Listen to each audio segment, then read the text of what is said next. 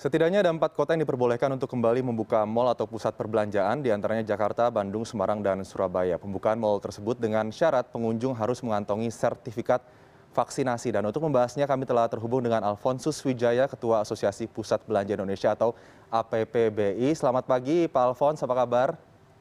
Selamat pagi Mas Adi, sehat-sehat. Terima kasih. Semoga Mas Adi juga sehat-sehat selalu.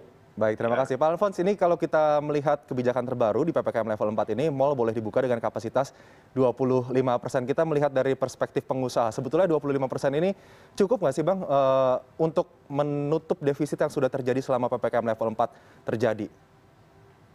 Ya, kalau kita bicara uh, kapasitas tentunya tidak mencukupi karena pada saat ppkm mikro pun yaitu sebelum terjadi lonjakan kasus ini kan uh, kita berada dalam uh, ppkm mikro itu pembatasan kapasitas 50 persen dengan 50 persen saja masih defisit jadi hmm. apalagi dengan 25 persen jadi uh, saya kira kondisi ini masih akan sangat berat uh, dengan 50 persen pun kita selama ini tetap masih defisit. Jadi defisit sudah hampir satu setengah tahun.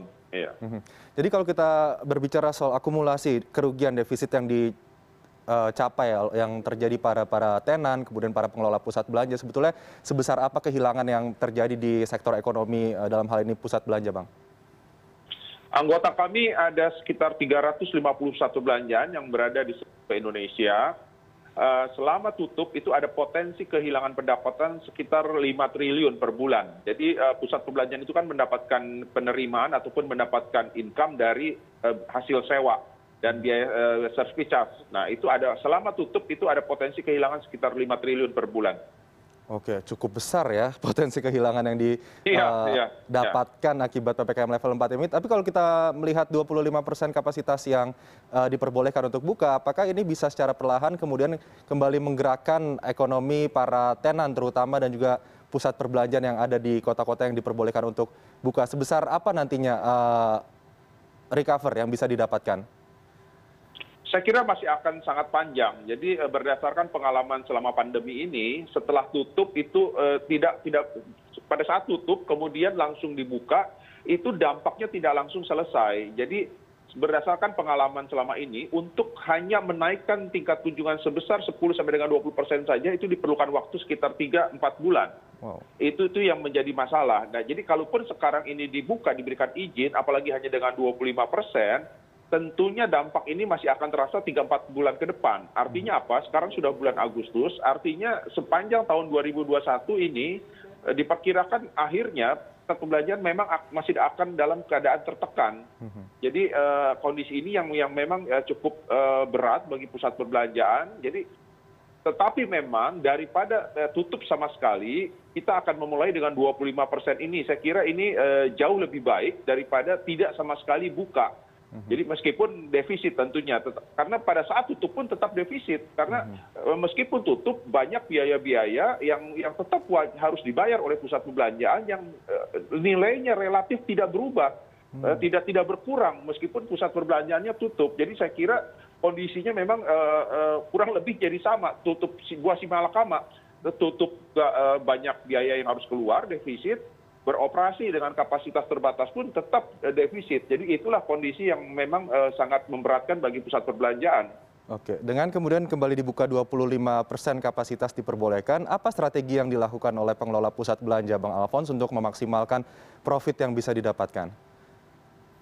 Ya saya kira saat ini eh, pusat perbelanjaan tidak bisa terlalu banyak berbuat eh, dalam kaitan dengan penjualan. Karena memang di satu sisi juga daya beli masyarakat kan masih belum pulih. Mhm. jadi itulah yang sebetulnya kami minta sebelum terjadi lonjakan kasus positif ini lagi bahwa pemerintah eh, memberikan relaksasi terhadap berbagai pajak yang terkait dengan penjualan agar supaya bisa mendongkrak penjualan di mana masyarakat daya belinya masih belum pulih. Eh, contohnya adalah misalkan menghapuskan eh, eh, ppn ataupun pajak pajak yang terkait dengan penjualan. Itu yang kami minta. Tetapi pemerintah malah ada wacana untuk menaikkan tarif ppn jadi sebetulnya itu adalah salah satu upaya kami untuk bisa mendorong penjualan. Mhm. dan tentunya juga di satu sisi di kondisi seperti saat ini satu satunya cara lagi adalah mendorong vaksinasi agar supaya secepat mungkin indonesia bisa mencapai herd immunity sehingga bisa segera mungkin terlepas dari krisis kesehatan yang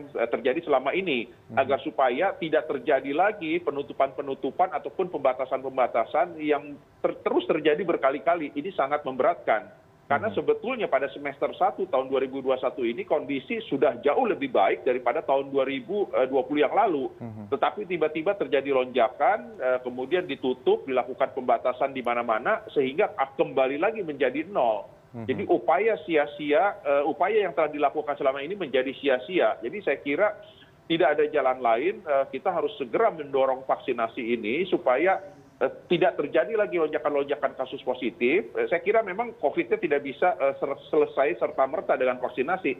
Tetapi paling tidak bisa mengurangi lonjakan lonjakan kasus positif yang bisa merugikan kita semua bang alfons ini kan kalau bicara soal ppkm ini merupakan ppkm level empat ya terutama bisa dikatakan worst case skenario dari pemerintah untuk menghadapi varian delta covid sembilan belas yang saat ini mewabah di indonesia bahkan di dunia. Kalau worst case skenario dari pengelola pusat perbelanjaan kemudian pengurus mal sendiri untuk kemudian tetap bisa bertahan di tengah wabah yang mendatangkan varian baru ke indonesia apa bang ya kami sebetulnya sudah tidak bisa banyak berbuat apa apa lagi.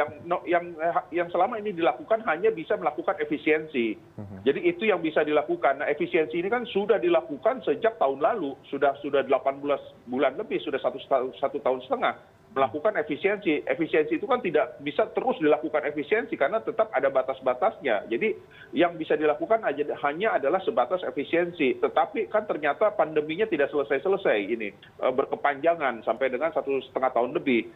Sehingga kami meminta kepada pemerintah untuk bisa membantu pusat belanja ataupun pelaku usaha yang kondisinya sudah sudah sangat berat selama ini.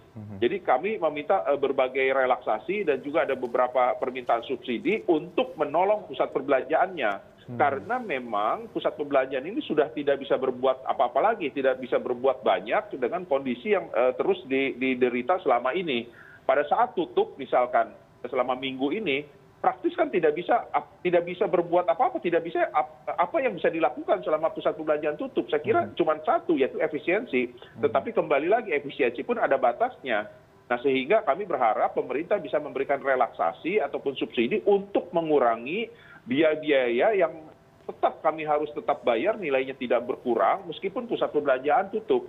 Saya kira hanya itu yang bisa dilakukan untuk saat ini baik bang alfons kita ke arah penerapan kebijakan atau pelonggaran yang kemudian diterapkan oleh pemerintah yaitu dua puluh lima persen. Kemudian anak di bawah usia dua belas tahun tidak boleh masuk begitupun lansia di atas umur tujuh puluh tahun. Nah untuk tidak melanggar aturan prosedur tersebut yang diterapkan pemerintah untuk bisa kembali buka apa kemudian akan dilakukan oleh pihak manajemen pengelola pusat belanja agar bisa mengkotak kotakan orang yang sudah divaksinasi boleh masuk orang yang tidak divaksinasi tidak boleh masuk kemudian juga anak berusia di bawah dua belas tahun tidak boleh masuk yang di atas tujuh puluh tahun lansia tidak diperbolehkan masuk bagaimana bisa kemudian menerapkan hal ini secara ideal bang alfons? Iya ini ada ketentuan baru bahwa ada protokol baru bahwa sekarang ini diwajibkan semua siapa pun yang berada di pusat perbelanjaan itu entah itu pegawai pekerja karyawan pemilik ya tentunya pengunjung siapa pun yang berada di pusat perbelanjaan wajib vaksinasi. Jadi saya kira ini satu ketentuan baru di mana untuk memastikan bahwa siapa pun yang berada di dalam pusat perbelanjaan itu dalam keadaan sehat atau terbebas dari covid sembilan belas jadi saya kira ini salah satu tujuan utamanya. Karena kan pusat perbelanjaan itu juga selama ini telah menunjukkan kemampuan dan keseriusan serta komitmen untuk selalu menerapkan protokol kesehatan dengan ketat disiplin dan konsisten. Sehingga pusat perbelanjaan dapat dikatakan menjadi salah satu fasilitas masyarakat yang aman dan sehat untuk dikunjungi. Ini adalah salah satu tujuan tersebut.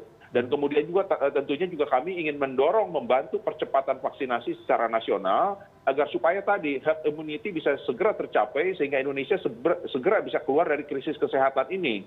Dan kemudian juga harus kita akui ini menjadi fakta bahwa semua manusia yang hidup sekarang ini tidak bisa belum bisa terbebas dari covid sembilan belas yang diperkirakan masih akan memerlukan waktu yang lama.